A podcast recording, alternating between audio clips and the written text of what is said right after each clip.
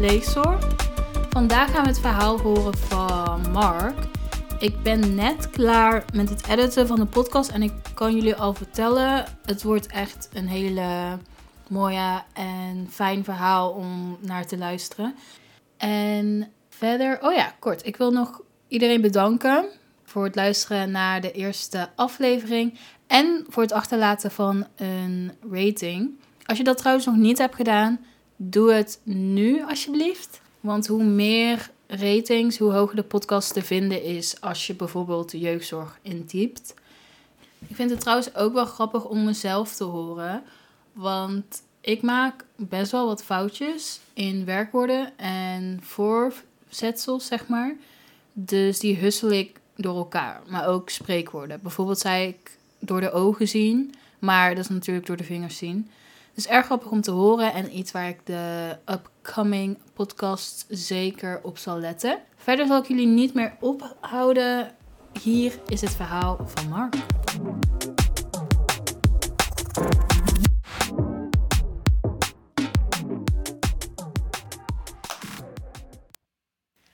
Oké, hallo. hallo, welkom Mark. Ja, dit is dus de allereerste keer dat we iets opnemen. Dus ik vind het nog zelf best wel spannend. Ik ook. Oké, nice. Ehm, ja, laten we eerst dat jij je misschien voorstelt. En dat we dan misschien ook zeggen hoe wij elkaar kennen, zeg maar. Soort Ja, ja, zeker leuk. Ehm, ik ben Mark en ik ben 23 jaar oud. Eh, ik kom uit Veenendaal, maar ik eh, studeer in Amsterdam. Ehm, ik studeer culturele antropologie sinds kort. Ehm, Oeh. nu ben ik heel erg bewust van of ik elke keer um zeg, maar ja, dat merk je dan wel inderdaad als je ja, zo van... Oh, ik praat nu in de microfoon en dit wordt opgenomen. En wat zijn al mijn kleine irritante dingen die ik zeg? ja, ja, dat ben ik me heel bewust van. Maar nou ja, dat ben ik dus. Ja, wat wil je nog meer weten? Hobby's? Iets, eh, Ja, wat zijn je hobby's? Wat vind je leuk om eh, te doen? Ja, ik vind het leuk om te reizen. Dat doe ik best veel. Ik eh, hou van uitgaan. Ik hou van lezen. Ik kijk graag series. Eh, ik vind het leuk om een beetje maatschappelijk actief te zijn. Same. Ja, Eh, ik ben wel benieuwd als mensen zeggen dat ze van reizen houden. Wat bedoel je? Ja, is echt van. Oh, ik moet naar Spanje of Mallorca of Australië of. Hoe, ja, wat vind je zo leuk aan reizen en waar ga je dan naartoe? ja, ik heb niet de kans gehad om echt geweldig grote reizen te maken. Of Mhm. een half jaar te backpacken door Zuid-Amerika of zo. Maar eh, ik ben bijvoorbeeld... eh, vorig jaar ben ik naar Marokko geweest. eh, Oh. Twee weken. En daar de trektocht gemaakt. Ook ik door zag de woestijn. je profielfoto Ja. inderdaad. Dus dat was super leuk en ik vind het. Ja, je kan best wel redelijk goedkoop gewoon stedentripjes maken in Europa. Dus ik ben bijvoorbeeld Ah, pas ja. voor 8 euro met de bus naar eh, Parijs geweest. En Ah, eh, dan ben je gewoon een weekendje weg en dan heb je wel gereisd. Het is niet een Mhm. super avontuurlijk, maar ik vind het gewoon leuk op een eh, andere plek te zijn, een andere vibe of zo. Dat is inderdaad wel nice. En series kijken, wat is je favoriete serie? Op het moment kijk ik Dairy Girls. Ah, ja. dat is gewoon omdat ik het gewoon heel grappig vind. En ik heb een poosje geleden Euphoria afgekeken. Wat vond je van Euphoria? Ja, ik vond hem. Ik denk dat hij misschien voor luisteraars, misschien als je bepaalde ervaring hebt, Mhm. best wel triggerend kan zijn. Maar ik vond hem zelf wel heel goed. Want ik vond het best wel de meest realistische weergave van mentale problemen en verslaving enzovoort bij jonge Mm, mensen. Ik vond hem, ik herkende best wel veel dingen uit mijn eigen verleden in die, eh, in die serie. Dus ik vond hem best wel goed. En heel goed geacteerd ook. En Zendaya zit erin. Ja, exactly, Queen. Dus, ja. ja. ja, ik vond hem zelf ook wel leuk, maar toen ik, zeg maar, later... Want ik hou ervan om series te herkijken en herkijken en herkijken. ja. En op een gegeven moment dacht ik wel van... Oh ja, sommige dingen zijn wel echt heftig of erg bloot. En dat ik denk van, waarom moet zij nu bloot zijn, zeg maar. En daar heb ik dan meer van... Dan heb ik meer zo'n beeld in van dat die re- regisseur dan echt zo'n dirty guy is, zeg maar. Ik had ook gelezen in zo'n artikel dat Sydney... eh, dat is die girl, wie- speelt zij? Zeg maar Sydney Sweeney. Is dat die meid die heel Dat die die... blonde meid ja, die, die heel boos meid. is dan ook een keer of zo. eh, Die gaat met die neet, loopt ze Ja, ja, ja, exactly. Dus dat er soms scènes waren dat ze zat van... Oké, hier hoeft mijn personage niet per se bloot in. En dat hij daar dan eh, helemaal top in meeging. Maar dan denk ik van, waarom had hij dan überhaupt het idee dat ze daar dan bloot in moest zijn? Maar ja, verder vind ik het op zich wel nice. En Dairy Girls, I do not like Dairy Girls. No? Why not? Nee, ik vond het echt. Ja, ik weet niet. Ik vond de accenten ook wel leuk. Maar ja, ik denk dat ik de humor gewoon op een gegeven moment niet mijn ding was. Ja, ik, ik kan er wel heel hard om lachen. ja, maar- precies. Dus het is echt gewoon een, een. Niet van, oh, het is dus echt een slechte show of zo. Nee, het is wel een beetje persoonlijk smaak Ja. of zo. Ja, snap. Exactly. Oké, maar ja, nou leuk om jou even zo snel een paar dingen van jou te leren Ja, zeker. kennen. En ook wel interessant hoe wij elkaar kennen, want wij kennen elkaar eigenlijk een dag. Ja, we hebben elkaar één keer ontmoet van tevoren. Wij stonden allebei eh, in de voorronde voor de verkiezing van eh jongerenvertegenwoordiger Mensenrechten en. Veiligheid. En toen zijn we allebei tegelijkertijd afgevallen. Ja, they did not want us. nee, nee, dat more want us. Maar eh, ja, daar hebben we elkaar leren kennen. En toen hebben we ook een, een beetje elkaar, eh, kleine stukjes van elkaars verhaal gehoord. Ja, en ehm, precies. toen hoorde, toen appte jij mij dat, dat je een podcast ging opnemen of ik mee wou doen. Ja, klopt. Nadat ik over mijn hele grote teleurstelling heen was, Ja, dacht ik van, oké, wat, wat ga ik dan komend jaar doen? Zeg maar, wat wil ik doen? Ik wil natuurlijk wel, ja, ik weet, ja, ik weet niet, gewoon iets inderdaad maatschappelijks doen, wat ik denk dat nodig is. Eh, en toen realiseerde ik me dat, ja, er is niet echt een plek geweest, voor mij in ieder geval in de jeugdzorg of verpleegzorg, waar ik mijn verhaal kwijt kon. Of in ieder geval waar ik me ook gehoord voelde en niet ehm, ja, onder de koepel van ik ben het probleem. Waarom is er geen podcast waar eh, jongeren in de pleegzorg of jeugdzorg een verhaal kwijt kunnen? Ehm, ja, waarom is dat dus nog niet? Ja, lastige vraag. Ik denk dat het... Ja, er zijn denk ik wel plekken, maar dat zijn vaak dan toch ja, docu-series of zo waar je dat in terug kan zien. Mhm. Ehm, maar ik weet niet of er echt een plek is, eh, zoals wat jij nu probeert te creëren met deze podcast, waarin jongeren, ja, wat zeg maar echt van en voor jongeren uit de jeugdzorg is. Ja. En dat zit er, ja, dus ik denk wel heel fijn dat er een plek is waar je gewoon ongefilterd je verhaal kan doen. Exactly, Ja. ongefilterd inderdaad. En gewoon, ja, het, eh, je hoeft er niet eh, iets mee te doen of zo. Het is gewoon dat, en dan iets mee te doen bedoel ik van, ehm, ja, gewoon je verhaal delen als je dat wilt.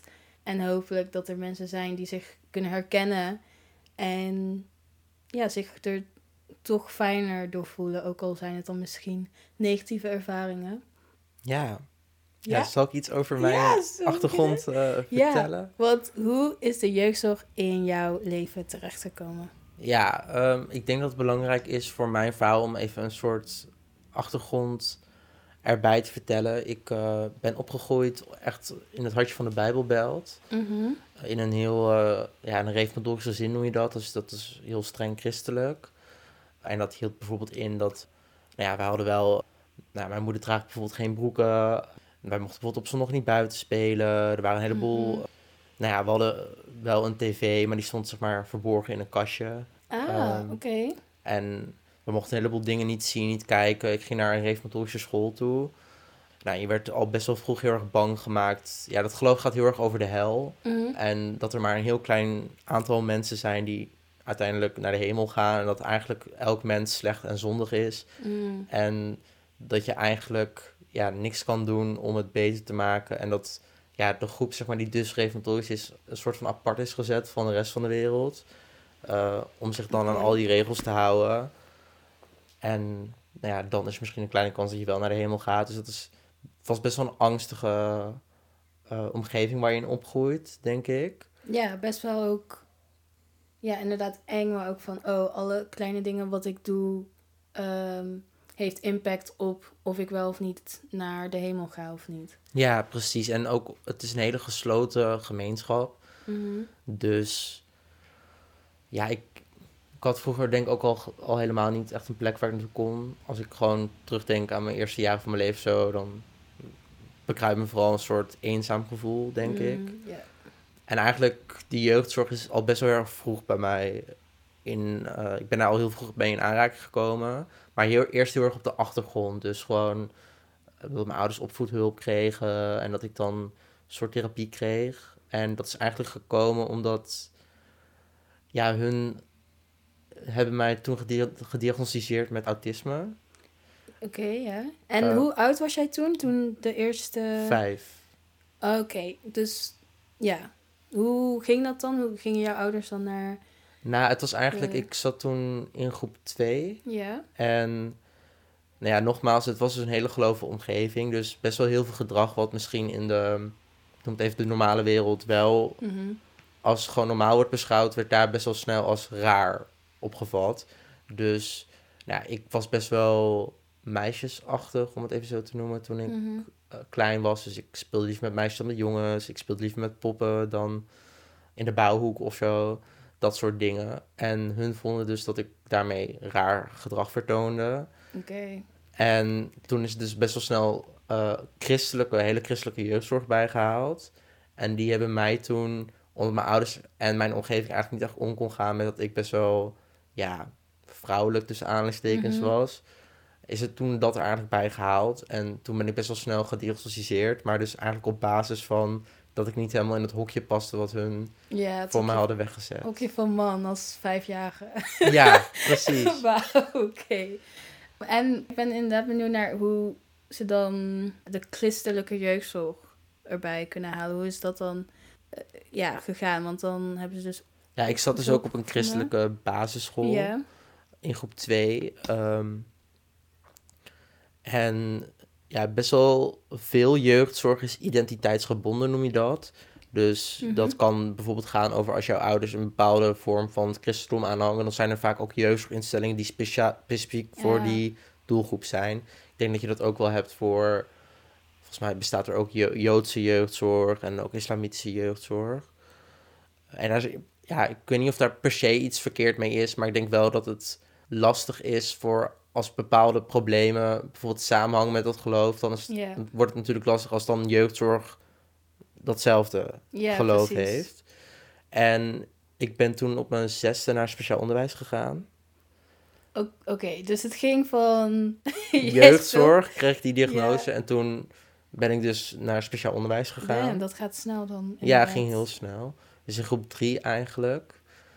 Nou ja, en ik, ik had in die tijd ook best wel gewoon een moeilijke band met mijn vader, denk ik. Dus dat bleef er ook gewoon in meespelen. Dus het is gewoon niet zo goed hoe ze moest, met mij om moesten Mhm. gaan. Want ik gewoon, ja, wel anders was, denk ik.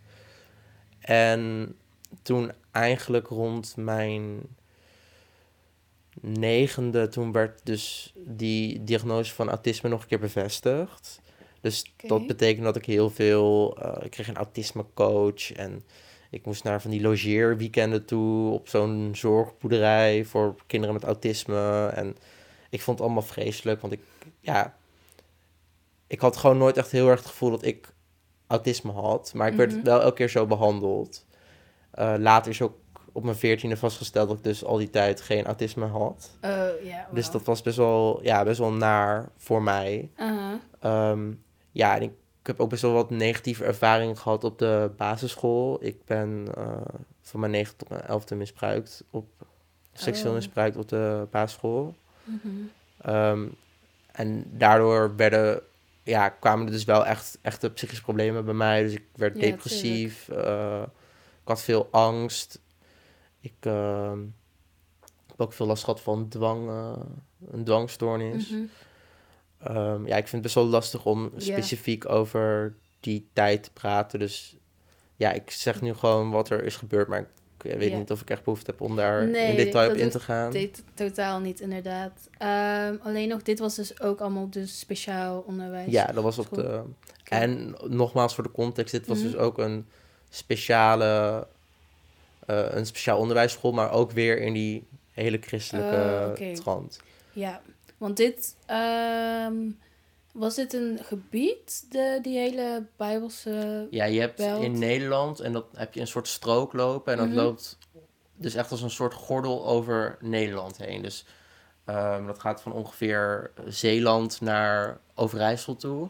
En in die hele strook zijn er allemaal gemeenten zoals Barneveld, Staphorst, Rijssen, Oud-Beierland bij Rotterdam, waar dus veel eh reformatorische mensen wonen. Oké. Wauw, dus je zit echt in een bubbel eigenlijk. Ja, heel en, erg. Ja. Dan ga je naar plekken toe waar je ja, geholpen wilt worden. Um, Maar dan krijg je eigenlijk nog steeds diezelfde... um, Ja. Jij bent dit en jij bent verkeerd. En, En ook heel, Ja. ja. ik durfde in die tijd ook niet echt te delen over een heleboel problemen die ik had. Dus, ehm, nou ja, het seksueel misbruik had ik ook, ja, seks is iets heel erg, ja, zondigs Ja, in die tuurlijk. gemeenschap. Dus ik durfde in die tijd ook helemaal totaal niet te vertellen dat er iets gebeurd was, want ik had heel erg het gevoel dat het mijn schuld was. En zeker ook omdat die mensen van die hele christelijke jeugdzorg dus heel erg dichtbij je staan, durf je dat dan al helemaal niet te zeggen. En daarnaast, ik weet ongeveer rond mijn twaalfde, begon ik ook echt suicidale gedachten te hebben bijvoorbeeld. Mhm. Maar omdat bijvoorbeeld zelfmoord in die gemeenschap ook iets is wat niet mag, want als je zelfmoord pleegt ga je naar de hel toe, durfde je dat ook niet te zeggen. Dus ik Nee. hield best wel heel veel dingen verborgen. En ja, die depressie werd wel steeds zichtbaarder. Dus ik, was, eh, ik begon te automutileren, dus mezelf te snijden. Mhm. Ik ging bijvoorbeeld langs het spoor lopen, dat soort dingen. Dus toen, op op, toen ik naar de middelbare school ging, toen kwamen ze best wel snel achter dat ik toch, eh, ja, dat ik dus best wel heftige problemen had. Ja. Dus toen ben ik in aanraking gekomen met, zeg maar, even normale jeugdzorg, om het even zo te noemen. Dus dat was gewoon, ja, reguliere, niet-christelijke jeugdzorg. En toen ben ik daar in dagbehandeling gegaan voor vijf maanden. Dus dan sliep je wel thuis, alleen dan was je overdag, zeg maar, op een groep. En dat was bij karakter kind- en jeugdpsychiatrie in Ede. Uh, maar daar heb ik dus vijf maanden gezeten. En op zich hielp dat toen wel, omdat ik toen even thuis weg was. En even uit die omgeving. Want even voor de context, ik was een paar jaar daarvoor... was ik er ook achter gekomen dat ik gay ben. Mhm. En dat kon ook niet echt in die gemeenschap. Dus dat zorgde er heel erg voor dat ik... Ik was gewoon heel erg eenzaam. Ik kon nergens met die gevoelens kwijt. Want ik was gewoon heel erg bang dat ik alles en iedereen zou verliezen als dat uit zou komen. Dus het was voor mij toen heel erg fijn dat ik even uit die hele gemeenschap weg was. Er wa- waren ook een heleboel andere dingen mis, maar daar gaan we het even niet over Hm. hebben. Maar ik vond het dus wel even fijn om even uit die omgeving te zijn. Maar ondertussen had ik nog steeds niks verteld over wat er thuis gebeurde. Over eh, seksueel misbruik, over dat ik gay ben en niet uit de Mhm. kast durfde te komen. Dus na vijf maanden toen moest ik gewoon weer volledig naar huis toe. Ja. Alleen, ja, er was eigenlijk niks veranderd. Nee, en op die groep, ehm, eh, was het dan gewoon dat je daar leefde? Of was je daar dan ook nog in therapie? Of... Ja, je kreeg zeg maar therapie en dan... Ja, dus maar, je had die groep, je had er dus mensen die echt sliepen. Mhm. En je had er dus mensen die gewoon in dagbehandeling waren. Ah. Dus ik was dus in dagbehandeling daar zo. Maar dat was, het is niet een hele lange periode geweest. Want ik ben toen weer naar huis gegaan. En een half jaar later ben ik toen uit de kast gekomen. En hoe is dat gegaan? Ja, dat was best wel heftig. Ehm, het was zeg maar, ja, ik kwam uit de kast en ik had een jongen ontmoet.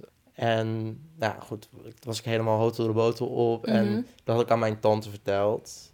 En die tante die zei toen, of ik dacht elkaar kon vertrouwen, maar ze zei toen eigenlijk van, oké ja, of je komt nu uit de kast, of ik vertel het. Dus toen had ik eigenlijk geen keus Oh. meer. Oké. Dus toen heb ik het aan mijn ouders verteld en die reageerden, ja, gewoon heel erg boos en eh, ja, verdrietig ook. Mhm. En dat is toen daarna, in die twee weken daarna, best wel heel veel ruzie over geweest. Maar ik was in die tijd gewoon zo klaar met alles of zo. Gewoon, het voelde alsof alles, ja, een soort vulkaan die opeens helemaal uitbarstte of zo. Dus ik was gewoon overal klaar mee, met de kerk, met school, met mijn hele omgeving. Dus ik was, ben toen weggelopen van huis. En hoe oud was je nu?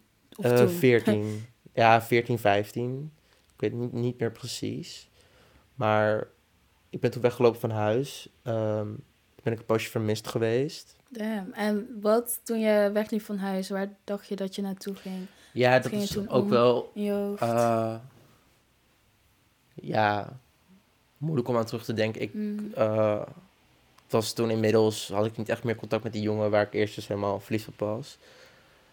Eh, en toen had ik, achteraf heel dom, maar toen had ik met een jongen afgesproken, die ik kende via het internet, waarvan ik dacht dat die dus een jongen van 18 was. Wat eigenlijk sowieso al een beetje fout was, omdat ik toen Oh. zelf 14 was.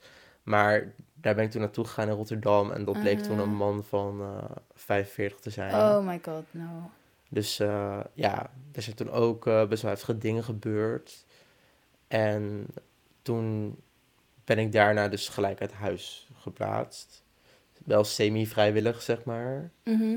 Dus ehm, En vrijwillig dan van, vanuit jouzelf, vanuit jouw ouders, beide? ja, beide. Dus het was echt van, oké, ik wil hier echt niet meer naartoe. Of ik kan niet meer terug. Mhm. Eh, mijn ouders hadden ook zoiets van, ja, Mark kan niet meer terug. Dus het is niet zo dat ik door de rechter uit huis ben geplaatst of zo. Maar wel, eh, ja, een soort van semi-vrijwillig ben ik uit huis geplaatst. Ben ik weer bij karakter geplaatst. Alleen toen, dus op de oude groep waar ik eerst dagbehandeling had gehad. Maar dat was dus net nadat er een heleboel groepen waren dichtgegaan bij eh, karakter. Aha. Dus na twee weken moest ik weg omdat er geen plek meer was. Wacht, eh, welk jaar was dat? Want ik 2016. Ja, was dat niet die, dat jaar dat eh, de overheid. Want eerst regelde de overheid jeugdzorg, volgens mij. En op een gegeven moment ging dat over op de gemeentes. En die hadden dus minder geld. En ik had ook precies dezelfde situatie. Ik woonde ergens en de gemeente had daar geen geld meer voor om dat te financieren. Dus toen moesten we inderdaad verhuizen. Dus er waren inderdaad groepen die gewoon inderdaad... Ja, weg er ging toen gingen. volgens mij echt. eh, volgens mij waren er in 2014 bij karakter nog acht groepen. En in Aha. 2016 waren dat er uiteindelijk nog maar, ik denk, drie of vier. Ja, klopt. Ja. Vroeg me af hoe dat inderdaad in andere steden is gegaan. Maar Ja, ik denk dat dat overal in Nederland wel een beetje hetzelfde is gegaan. Maar ik, ik heb dus maar twee weken toen bij die groep waar ik eerst had gezeten bij karakter. Maar ik moest toen weg en Mhm. ik kon nergens meer naartoe, want ik kon niet naar huis toe. Maar op zo'n korte termijn was er ook niet een andere plek. Dus toen hebben ze ja, echt het achterlijke idee gekregen om mij dus bij karakter op een andere plek te zetten. Alleen dan voor mensen met een lichtverstandelijke beperking. Ah, Terwijl ik dus geen lichtverstandelijke beperking heb. Nee, je wordt inderdaad echt geplaatst waar er plek is. Ja. Niet, eh, Maar ja. Ik vond het zelf toen best wel lastig, jou. omdat... Kijk, ik ga niet mijn eigen... Ik wil mijn eigen niet per se neerzetten alsof ik eh, een of ander genie ben of zo. Maar kijk, ik bedoel, ik doe nu universiteit. Ik heb geen lichtverstandelijke beperking. Dus het is best wel moeilijk om op een plek te gaan wonen waar je wel steeds wordt behandeld alsof je een verstandelijke beperking hebt. ja, precies. Want dat, eh, daar dacht ik ook net aan. Die, die mensen die daar werken, die zijn getraind, hopelijk, om daarmee om te gaan. Ja. En ja, en, ja, lijkt me ook heel... Ook weer zo'n eenzame plek waar je dus Ja. alleen voelt en niet... Ja, zeker. En ik was Ja, in die tijd, ging het dus ja, ook gewoon steeds slechter namen. Ook naar wat er was gebeurd in Rotterdam. Mhm. Ehm, dus dat ik, ja, het was ja, ook besloten. Dus het zat zeg maar tussen gesloten oh, en damn. open in. Mhm. Maar omdat ik dus, ja, hoe moet ik dat zeggen? Kijk, omdat iedereen hier zat, had dus een lichtverstandelijke beperking. Dus ja, hun, wa- hun deden mij best wel na, snap je? Dus als ik bijvoorbeeld mijzelf ging snijden, dan Oh. deden een heleboel mensen dat. Als ik boos was, dan g- was de hele groep eh, een chaos. Dus zeg maar na drie weken, of drie of vier weken dat ik daar heb gezeten... ehm, ja, toen konden ze dat dus, die hele groep niet meer onder controle nee, houden. toen dacht ze, oeh, dit Dus, was niet de eh, goede. Nee, dus toen hebben ze me drie dagen op een lege groep gezet met twee op één begeleiding. en- Hè? Oké. Ja, Als een soort van crisis. eh, Ja, een soort crisisoplossing, ja. En toen hebben ze, ja, dat is toen nog een hele heisa geweest, want toen opeens kreeg ik tijdens het avondeten van, ja, vanavond moet je naar een crisisopvang in Tiel. En toen werd ik twee uur later met, met een busje naar Ja, of course. een crisisopvang in Tiel gebracht. Maar goed, daar was ik dus ook weer niet op mijn plek. Mhm. Ehm, want ja, eigenlijk was het dus een kriegsopvang voor volwassenen. En ik was toen 15. Dus ja, ik zat opeens tussen allemaal ehm, ja, mensen die allemaal net uit de PU Vught kwamen. Oh, Wat is dat? Dat is de, ja, de gevangenis in Vught. Oh, oké. Zeg maar waar Ridouan Taghi nu ook, eh, nu ook zit, weet je Ah. wel.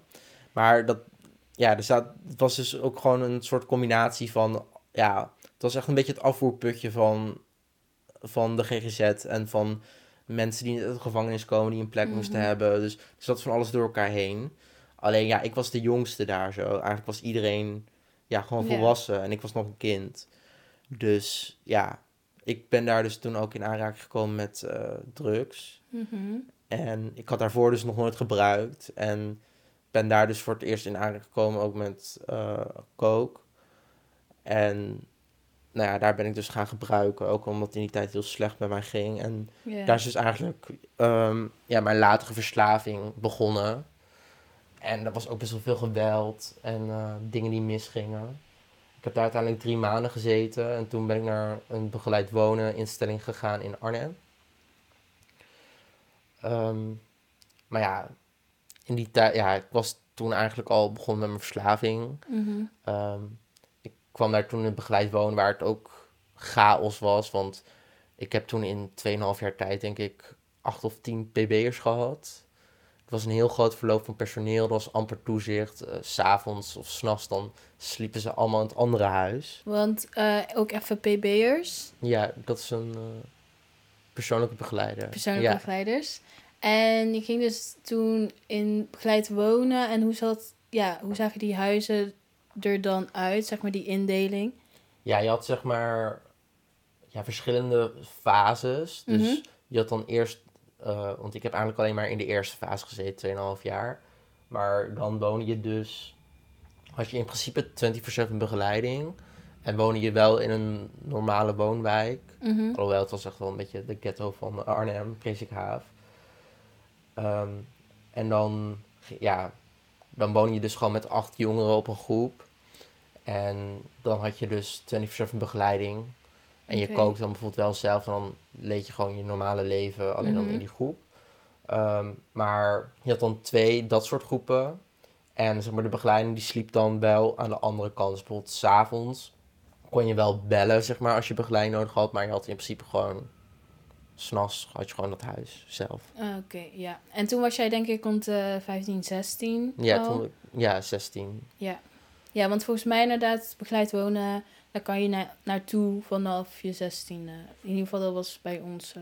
Ja, volgens mij verschilt dat. Want we hadden ook wel wat jongeren van 15 bij ons zitten Oh. toen. Dat is wel vroeg. Want, Dat is ook allemaal misgegaan trouwens. oh ja, want het hele idee van begeleid wonen is toch dat je meer richting die zelfstandigheid wordt opgeleid. Zodat ze op je 18 kunnen zeggen, doei. Ja, dat was ook, het- dat was ook het idee. zelf. Ja. Maar eh, ja, eigenlijk achteraf denk ik dat ik misschien beter naar bijvoorbeeld een gezinshuis had kunnen gaan of zo. Mm. Want het was toen best wel een hele grote ehm, stap. Want aan de ene kant, zeg maar, ja, ze deden altijd wel alsof je. Alsof je had daar wel allemaal regels als je mag, je moet om tien uur op je kamer zijn en je moet, Ja. eh, je mag geen drugs gebruiken, et cetera. Maar ja, daar hadden wij natuurlijk allemaal heel erg scheid aan. exactly. Dus eh, ja, en ik begon in die tijd steeds meer te gebruiken. ehm, ja, en ik, ze wisten dat ook wel, dat ik dat deed. Mhm. En er werd ook niet echt een heel groot probleem van gemaakt. Ja, alleen soms als ze het zagen, weet je wel, want dan Mhm. moesten ze er iets mee. Maar ja, ik heb, ik heb op een gegeven moment zelfs... eh, omdat je, ja, je had toen zoveel ZZP'ers ook die zeg maar, elke keer kwamen werken. Ja. Dus gewoon mensen die dan één of twee keer kwamen werken. Die, ik heb zelfs begeleiders gehad die- waar ik dus mee heb gebruikt. Echt? Ja, het was echt best wel, eh, echt best wel, het was echt een zooi daar zo. Oh, damn. Hoe gaat, hoe gaat dat dan? Hoe verloopt... Hoe komt dat tot stand? Nou ja, ik denk dat best wel veel ZZP'ers die in die, die dus, ik denk dat dat op best wel veel begeleid wonen plekken is, maar ook in wat zwaardere jeugdzorginstellingen. Ja, dat zijn vaak mensen die zijn dan, ja, ik was toen denk ik 16, 17, ik heb er tot mijn 18e gewoond. Mhm. En dan komen dan ZZP'ers werken die 20, 21, 22 zijn. Oh. Die ook niet per se, denk ik, een hele zware opleiding hebben nodig gehad of zo. Dus die kwamen daar zo, die gingen dan, die deden voor de rest ook niks. Die gingen dan voor de tv zitten, voetbal kijken. En er zaten dan wel eens begeleiders tussen die, als je dan s'avonds, uh, als de begeleiding al weg was, dan in de, in de achtertuinen, weet ik veel, gingen zuipen of eh blowen of weet ik veel wat. Mm. Dat ze er dan gewoon naast kwamen zitten van, oh ja, nee. Ik doe gezellig eentje, mee, ja. weet je wel. Ja.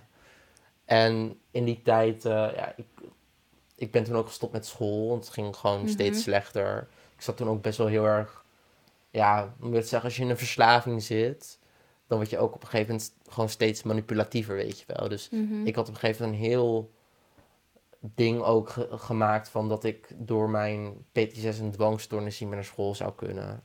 En Hmm. er zat wel een kern van waarheid in, maar ik overdreef het ook wel heel erg, zodat ik gewoon niet hoefde en dat de leerplicht eh, bij me vandaan bleef.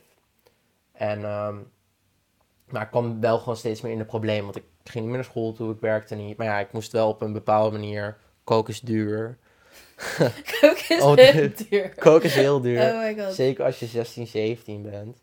Oh ja. Dus eh, ja, ik bedoel, anders moet je tien uur gaan werken voor één gram kook als je 15 bent, als je 5 euro per uur verdient. Mhm. Dus eh, ja, ik begon toen ook wel eh, ja, wat eh, criminele dingen te doen om dat te kunnen betalen. Eh, nou, uiteindelijk werkte dat niet echt, dus toen eh, ja, begon ik seks te hebben voor geld. Mm. Dus ik heb denk ik drie jaar gewerkt als in de prostitutie. Ik ben daar niet toe gedwongen, dat deed ik dus zelf. Als ik er achteraf op terugkijk, denk ik, ja, dat deed ik dus om mijn verslaving te betalen.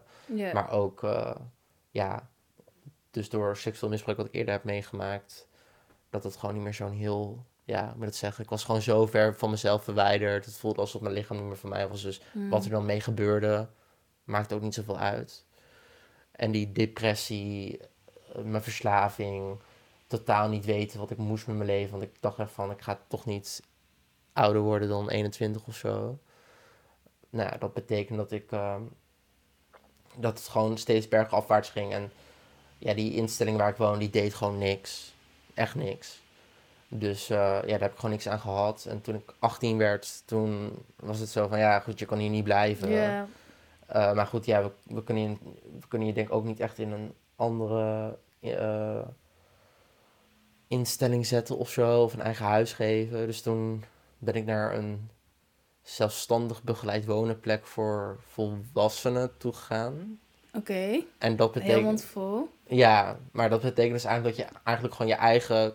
Je, je woont dus echt niet meer op een groep, je hebt echt, echt je eigen appartement, maar Mhm. ergens in het gebouw zit een kantoortje met een begeleider. Ja, dus wel nog steeds iemand ja, die gewoon Ja. aanspreekbaar is, die daar is o- ja, om jou te helpen. Ja, precies. Maar ik werd er naartoe gestuurd, maar ik had nul sociaal netwerk toen. Ja, alleen Mhm. mensen die ook allemaal gebruikten en in de shit zaten. Eh, ik had niet echt een familie waar ik op terug kon vallen. Ik Mhm. had geen school, ik had geen werk, ik had helemaal niks. En opeens viel die groep ook weg, weet je wel. En ik, heb die groep die, waar ik toen woonde niet als heel fijn ervaren. Maar toen, omdat het opeens wegviel, viel ook opeens een heel stuk...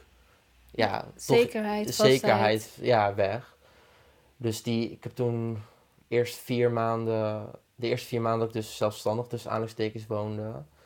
Ja, je had daar ook gewoon bij, vrijwel geen eh, begeleiding. En omdat ik dus in die tijd steeds, ja, ik gebruik, ik was toen al verslaafd, maar ik begon, Mhm. toen ik op mezelf begon te wonen, nog meer te gebruiken. Dus ik, Ja, had precies, dan- ik had ook helemaal niks te doen du- gedurende de dag. Mhm. Dus eh, nou, en ik begon ook steeds meer te isoleren. Dus de vrienden die ik wel had, die sprak niet meer.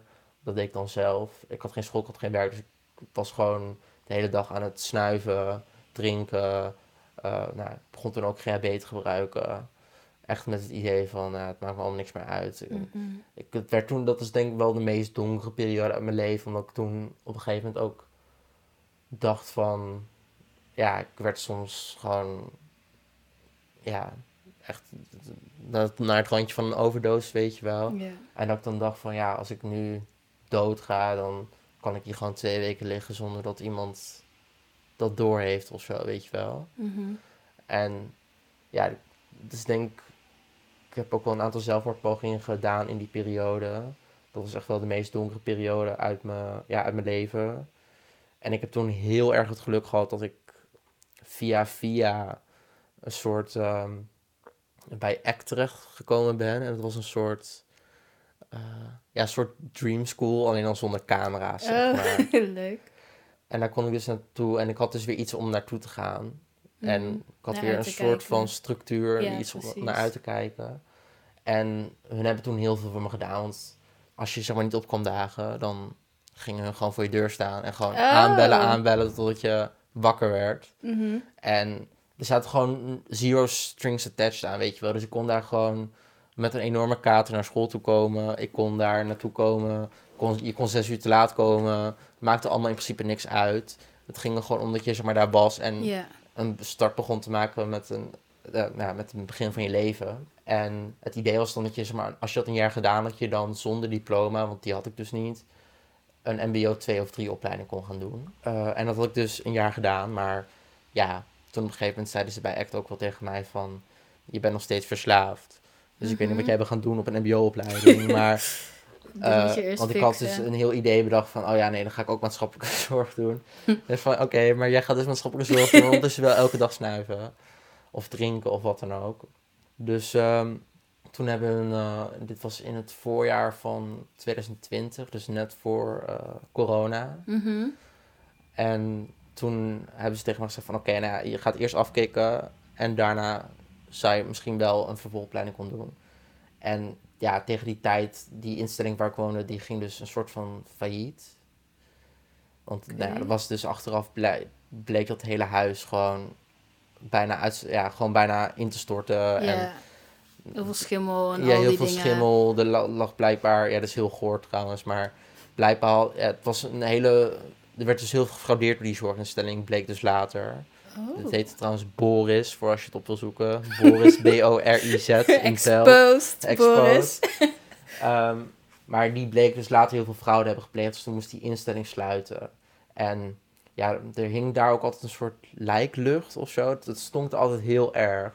Maar er werd altijd gezegd dat het kwam omdat bewoners daar zo gewoon Uh-huh. niet hun kamer opgaan of zo. Maar wat bleek dus Oh. later, dat het dus niet waar was. Dat hun gewoon door een of ander vaag bedrijfje de, de leiding had laten aanleggen. En dat dus alles wat door de wc werd gespoeld daar zo. Dus gewoon anderhalf jaar lang gewoon allemaal... Omdat er een soort gat in die, ka in die, ehm, in die eh, dat? leidingen zat. Dat is gewoon... Ja, alles wat door de wc werd heen gespoeld... Gewoon anderhalf jaar lang onder dat huis lag, rotten. lag te rotten. Dus vandaar... De, ja, Oh my god. maar daar moest ik dus ook weg. En nou ja, ik moest dus afkicken. Dus toen Mhm. heb ik me eigenlijk opgegeven bij eh Yes We Can Clinics. Ja, Eh, ken ik. dat is eh, ja, ook een soort ja, kliniek. Daar kan je naartoe gaan voor GGZ, maar ook voor verslaving. Mhm. Dus daar ben ik toen naartoe gegaan, elf weken. Want ik moest eerst één week lichamelijk afkicken. Want als ik in één keer zou afkicken, dat zou dan gewoon gevaarlijk zijn. Dus ik heb toen één week in een detox gezeten en toen tien weken in Yes We Can. Mhm. En nee, dit was dus tijdens de eerste lockdown. Dus het was eigenlijk wel fijn, want daar heb ik die hele periode dat iedereen eenzaam eh, thuis zat eh, overgeslagen. En ik denk dat het voor mij achteraf echt wel heel goed is geweest. En ik weet niet of ik, als ik zeg maar drie maanden later in Yes We Can was gegaan, denk ik niet Mhm. dat ik nog geleefd had, heel eerlijk Mhm. gezegd. Dus ik ben daar toen, ik heb daar toen tien weken lang een hele intensieve behandeling gehad. En eh, ja, vond, bij Yes We Can word je ook wel gewoon heel erg geconfronteerd met, ja, gewoon de waarheid, weet je wel. Gewoon Dus alle shit. gewoon alle shit meegemaakt. die je hebt meegemaakt, maar ook ja. Ehm, ja, er werd mij toen ook wel heel erg duidelijk gemaakt van, kijk, als je zo doorgaat, ga je dood. Mhm. Ehm, het is kut wat er allemaal gebeurt is in je leven, maar ja, het gaat nu niet meer veranderen. Dat, die, Nee. die, die dingen kan je niet meer aanpassen. En ja, je kan nu voor de rest van je leven in de slachtofferrol blijven zitten en daarmee jezelf naar de kloten helpen. Of je kan er nu voor kiezen om ja, je leven te veranderen en Mhm. er toch voor te gaan. Vond jij dat jij ehm, in de slachtofferrol zat? Ja, heel erg. Ja? Ik heb ook wel het idee dat jeugdzorg daar ook wel heel erg aan mee heeft geholpen. Oké, interessant. Ja. Wil, je, wil je daar wat meer over vertellen? Ja, tuurlijk. Ehm, ik denk dat je in jeugdzorg heel vaak ook een soort, of tenminste dat is mijn ervaring, ik kan niet Mhm. iedereen spreken, maar dat je ook wel heel erg meekrijgt zo van, oh ja, weet je wel, je bent ook wel heel zielig, laat ik dit voor jou doen. Ehm, je hebt dit en dit meegemaakt. ehm. Ehm, ja, ik weet niet, ik, ik had ook heel, dus heel erg het gevoel dat alsof ik zeg maar ook bijna niet meer een soort normaal leven ooit zou kunnen gaan leiden, omdat het Mm. gewoon niet meer voor mij weggelegd was, Mhm. weet je wel. Ik voelde me heel erg als de ander. Ik vond mezelf ook gewoon heel zielig, omdat ik dus dacht van, eh, ik heb Ja. dit allemaal meegemaakt, ik kan het allemaal niet. En kijk, natuurlijk, ik heb gewoon heftige shit heel veel dingen meegemaakt. meegemaakt. En daar mag je kut over voelen. Maar Mhm. als je in die slachtofferrol blijft zitten...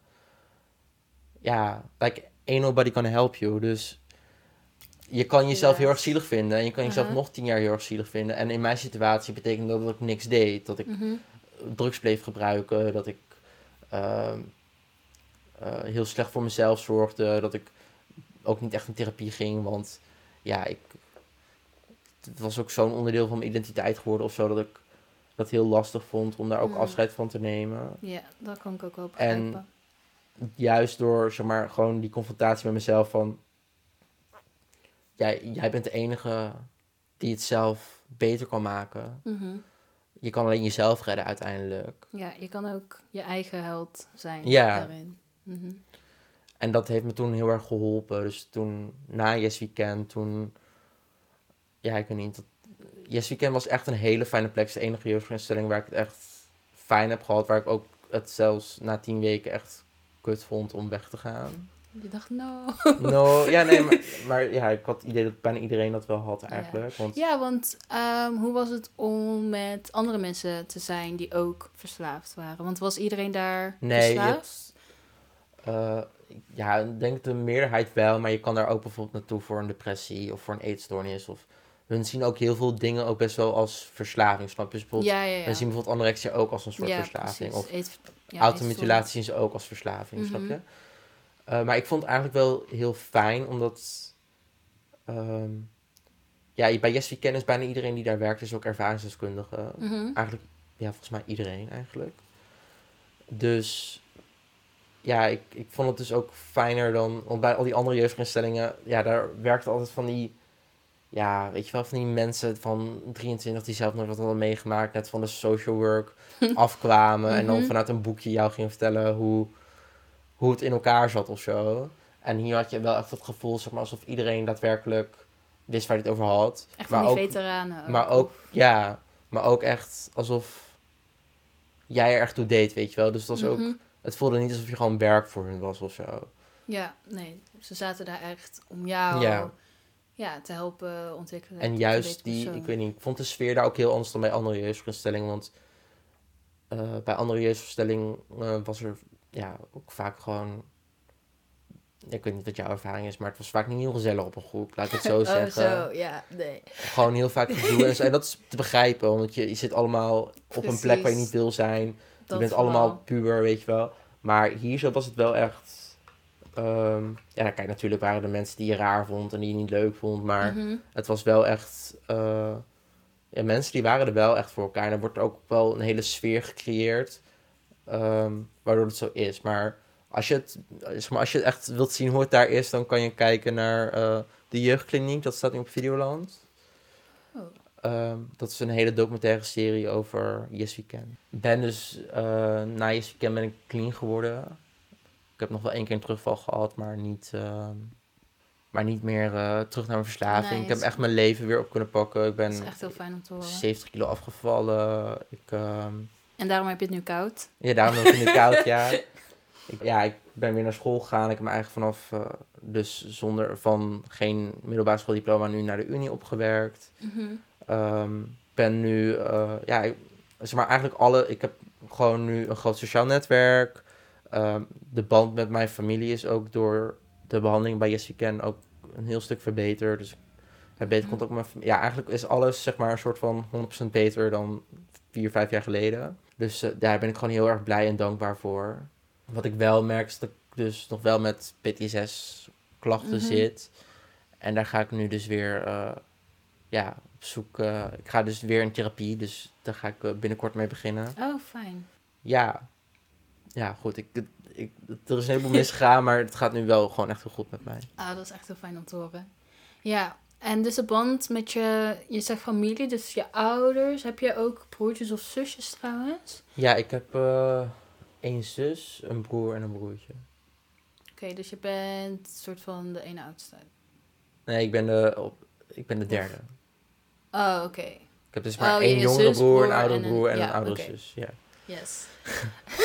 ik ben nooit zo goed Nee, niet uit. met eh, die dingen goed in mijn hoofd Ja, zetten. snap ik. Ehm, Oké, dus en hoe is dat gegaan? Je zegt dat Yes Weekend Kliniek jou heeft geholpen daarbij. Ja, kijk, dus, er zijn altijd dingen. Mijn ouders die zijn nog steeds gelovig, dus, Mhm. en ik niet. Dus dat levert best wel vaak gewoon verschillen op, weet je wel. En ik vind het ook nog steeds wel lastig om met bepaalde dingen om te gaan. Dus, ja, hoe moet ik dat zeggen? Hun zijn nog steeds niet heel blij over mijn geaardheid, bijvoorbeeld. Mhm. Ja, en ik ben niet christelijk zelf meer, dus dat vinden hun ook wel lastig. Maar we hebben er geen ruzie meer over, weet je wel. Dus het is nu een soort van... Ik accepteer... Ik heb voor mezelf geaccepteerd dat hun niet gaan veranderen. Mhm. En ik denk dat hun voor hunzelf hebben geaccepteerd dat ik niet ga veranderen. Dus ja, het is zeg maar, ik denk het is misschien niet de meest close relatie of zo, Nee. maar wel, ja, we kunnen elkaar gewoon zien en gewoon prima. Het is gewoon oké. Ja, Ja, eh, waar ik ook nog benieuwd naar ben, is hoe het dan in al die jaren dat jij zeg maar dus in jeugdzorg hebt gezeten, ehm, was het contact met je ouders dus gewoon compleet weg? nee, nee, ik had wel gewoon contact met mijn ouders en hadden ook gewoon nog de voogdij over mij, volgens mij in Oh, principe. oké. Ja. Maar ze werden dus door jeugdzorg ook heel vaak niet ingelicht over allerlei dingen die met mij speelden. Omdat, ja, ze, ja, een beetje lastig ook uit te leggen of Mhm. zo. Maar was denk ik van mijn 14 op mijn 16 of van mijn 14 op mijn 18. Dus ja, ik heb bijvoorbeeld, nou, bijvoorbeeld hun wisten dus op een gegeven moment dat ik dus gebruikte. Of dat Mhm. ik, en dat ik eh, dus eh, seks had voor geld.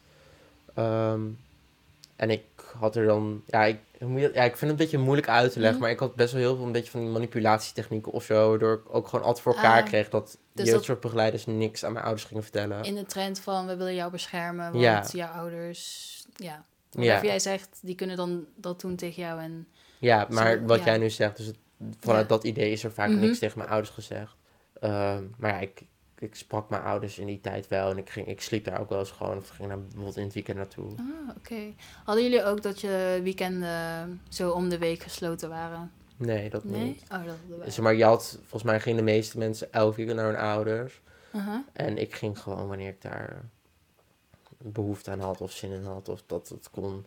Maar heel vaak ging ik niet, want dat betekende dat ik, ja, dat ik Niet dan... ons- niet wil gebruiken. Ja, Ja. precies. ja. Oké. Nou, wauw. Ten eerste super bedankt voor je verhaal. Het is niet per se een einde hoor, maar... Nee, ja, nee. even gewoon, ja. Oh, oh ja, tijd trouwens. Misschien wel een einde. Ja, Ehm, ja, echt super, super bedankt dat je ja dit jij ook. wilde en ja, durfde te delen. En ja, ik ben gewoon. Ik, het is echt een kut verhaal natuurlijk. Eh, alle dingen die je hebt meegemaakt zijn echt heel heftig. Maar ik ben echt heel excited dat je dit wilde doen. Ik hoop dat mensen ja, ook gewoon dingen herkennen, dezelfde emoties hebben ervaard. En ja, dat het dan ook wel een soort van rust brengt van eh, dingen kunnen veranderen. En die gebeuren niet zomaar natuurlijk. Nee, en Ehm, weet je, als ik gewoon één ding zou kunnen Ja. meegeven, zou ik eigenlijk willen zeggen van... Kijk, het is misschien echt een hele erge dooddoener, maar ik denk Mhm. dus ook dat een heleboel dingen ook echt veranderen doordat je gewoon ouder wordt. En dat je Ja, uit dat, dat vooral. systeem komt, weet je wel. Mhm. Ik denk van, je wordt ook een soort van... Ik denk achteraf ook dat... Ja, ik weet eigenlijk ook niet zo heel erg alsof of de jeugdzorg heel erg geïnteresseerd is in je eigen, in jou beter maken of zo. Ik heb bij jeugdzorg ook heel vaak gewoon Mhm. het idee gehad dat het gewoon zo is van, je moet 18 worden, weet je wel. dat is het een soort van, een soort van stiefmoeder. Ja. Eh, nou, ik wacht het nog wel even af. ja, en dan precies eh, dat. op een achttiende zijn ze weg. Ja, nee, dat snap ik wel hoor. Ik heb soms ja, ook wel het idee dat inderdaad jeugdzorg ook gewoon is van waar zetten we kinderen neer die niet thuis kunnen wonen. Ja. Eh, dat dat vooral de eerste insteek is. En dan ga je vooral kijken naar, oké, waar is een, een, een huis voor ze? Ja, in plaats van. Ja. welk huis past bij ze, wat hebben ze nodig, wat hebben ze ervaard. Ja, hoe kunnen wij daar op een eh, goede manier mee omgaan? En dan heb je natuurlijk ook te maken met inderdaad allemaal pubers Hmm. die al misschien van ik weet niet hoe jong trauma's hebben meegemaakt. Dus die ook zelf niet altijd even makkelijk zijn of even willig zijn om dingen Nee, te vertellen. ik moet heel eerlijk zeggen dat, dat, ja, voor mijn gevoel wordt dat ook heel vaak vergeten in de jeugdzorg. Dus dat, dat je gewoon, je wordt soms ook gewoon gezien als een soort van een opsomming van je problemen. Terwijl, Hmm. ja, eigenlijk ook gewoon, hoe moet het zeggen, bepaald gedrag wat ik vertoonde was niet altijd omdat ik trauma had. Sommige dingen waren ook Mhm. gewoon omdat ik 16 was, weet je wel. En ja, dat je, ja, klopt. dat je, weet ik veel, je kut voelt omdat je, weet ik veel, je hart gebroken is. Of omdat je gewoon, weet ik veel, klaar bent met iedereen. Maar ik denk dat elk 16-jarige dat hebt. En ik vond het soms ook wel heel erg vervelend binnen jeugdzorg dat alles werd behandeld alsof je... Alsof het allemaal voortkwam uit, uit een bepaald Ah, ja, probleem nee. of zo. Toen ik dacht van, mag ik ook Mhm. gewoon, zeg maar, een mens zijn of gewoon jong zijn met, weet ik veel, bepaalde emoties of zo die gewoon normaal zijn. Laten we ook niet alles pathologiseren of zo, weet je wel. dat. Mm. Ik heb inderdaad, hoef ik, ga ik ook niet per se nu vertellen, maar inderdaad een verhaal van dat we. eh, ik had alcohol meegebracht naar de groep toen ik 16 was. Gewoon Mhm. inderdaad, want dat is een beetje de tijd dat je begint met alcohol drinken. Eh, en toen was er een van de jongeren in onze groep heel dronken geworden. En dan werd dan ook in een dossier aangeschreven dat dus bepaalde mensen een 14-jarige jongen hadden aangezet tot alcohol. Weet je wel, echt alsof Ja. dus, dus Ja, weet maar, je wel, hem zo alcohol in scha- ja. Ja. En dat dat dus inderdaad zo heel... maar dat, eigenlijk is Ja. het natuurlijk echt super raar dat hun het er zo neerzetten. Want kijk, want zo klinkt het gelijk heel heftig. Ja, Terwijl, precies. Laten we heel eerlijk zijn, zeg maar, mensen, op de midden, mensen die op, gewoon op de middelbare school zitten en thuis wonen, die doen dat ook. Het is, zeg Mhm. maar, dat is geen raar gedrag of zo. Niet per se gedrag wat je moet aanmoedigen, maar wel gewoon gedrag wat je denk wel gewoon een soort van kan, kan zien als gewoon normaal pubergedrag. Ja, precies. Ja, nee, nee, nee, daar heb je inderdaad ook gelijk. En dan moet ik ook inderdaad realiseren dat het day heel veel dingen zijn ook gewoon van leeftijd. En ja, ook gewoon van je, je bent dus puber en je leeft dus met allerlei pubers van ongeveer dezelfde leeftijd. Dus het is eigenlijk ook wel een soort van, know, jonge huis. het- of ja, maar ik heb het eigenlijk... ja, dit is eigenlijk... Dit, doet er maar eigenlijk helemaal niet toe. Maar ik, ik heb ook altijd gedacht van... Waarom wordt er nooit een goede serie gemaakt? Gewoon over Oh my het God. leven in een jeugdinstelling. Ah, dit is gewoon echt zijn. ideale comedy materiaal, toch? Letterlijk, ja. Want het is echt, weet je wel, zo'n samengesteld gezin Ja, dat ja. zo raar en dat samengesteld is met groepsleider, weet je wel. Ja. Oeh, dat zou op zich wel grappig zijn, ja. Ja, ik heb inderdaad, als ik er zo aan terugdenk, want eerlijk, heel veel van die dingen van vroeger, die herinner ik me gewoon niet. Tenzij iemand dan over hebt, dan denk ik, Heb, oh my heb god. jij ook wel, zeg maar... Dat heb ik dus... Pas moest ik... Dus omdat ik eh, een intake had voor die eh, traumatherapie die ik ga doen... Moest ik dus allemaal dingen uit mijn dossier moest ik dus op gaan zoeken, zeg maar. Want ik moest gewoon even wat, ik moest een tijdlijn maken van wanneer wat gebeurde. En ik kan soms niet alles meer helemaal op Ja. volgorde zetten of zo. Dus ik had mijn dossier erbij gepakt om even alles, een goede tijdlijn te maken. En er stonden zoveel dingen in dat ik echt dacht van, huh? Is dat gebeurd of zo? Was hij er? ja. ik kan gewoon ook gewoon situaties daarin worden beschreven. Of soms ook best wel heavy shit of zo. En ik echt denk Mhm. van, huh? What you talking about? Weet je wel? Ik, zeker. maar ik denk misschien dat het ook wel... Ja, als je zeg maar gewoon langere periodes, soms zelfs meerdere jaren in... Ja, gewoon echt in trauma leeft. Mhm. Dan, en dat is gewoon constant dan... En ook stress en weet ik veel. Dan denk ik dat er ook best wel veel dingen gewoon... Je brein gewoon blokkeert of zo. Mhm. Dus ik denk dat dat daar misschien ook vandaan komt. Maar ik ben geen psychiater, dus ik nee, nee, zeker. Dat kunnen zeker dingen zijn. En ook gewoon dat je je dissocieert van dingen. Of ook gewoon omdat zo in die traumaleven gewoon jouw normaalheid is. Dan hoef je sommige dingen ook niet per se op te slaan. Want ook al zijn ze dan heftig, dat is jouw normaal. Dat is gewoon een alledaagse Realiteit, Dag. ja. Ehm, Dus daarin niet super bijzonder om op te slaan. Nee, precies.